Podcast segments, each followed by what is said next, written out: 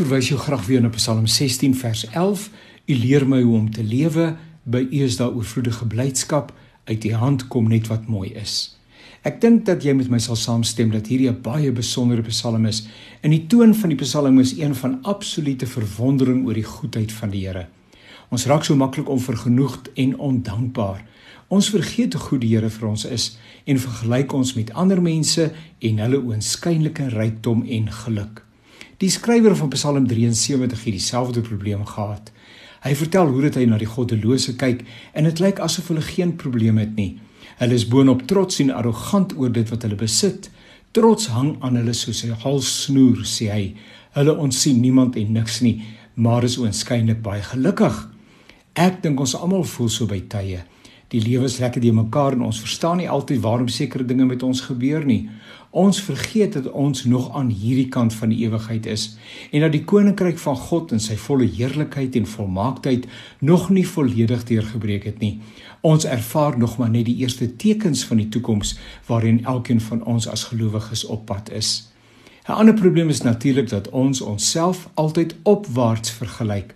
Ons definieer wat ons nie het nie, maar ons vergeet wat ons wel het.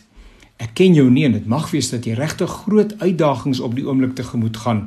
Dit mag selfs wees dat daar broodgebrek is by jou. Tog glo ek dat uh, vir die meeste van ons is dit klaar met die spreekwoordelike wit brood onder die arm. Die psalmdigter van Psalm 16 sê die Here is goed en dit is waarskynlik die meeste van ons se ervaring en getuienis. Gelukkig eindig Psalm 73 nie met die onvergenoegdheid van die digter nie.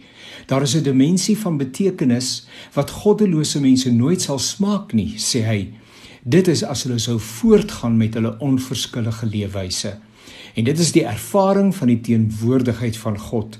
Die psalmdigter ervaar dit in die besonder wanneer hy die tempel besoek As Nuwe Testamentiese gelowiges is ons die tempel van die Heilige Gees en behoort ons op 'n daaglikse basis bewus te wees van die teenwoordigheid van die Here.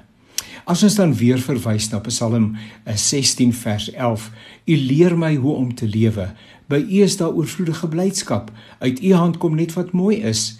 Kan ons met meer perspektief oor ons eie konteks dink en saamstem dat God inderdaad buitengewoon goed is. Aan hom kom toe die lof en die eer, die aanbidding en die heerlikheid tot in alle ewigheid.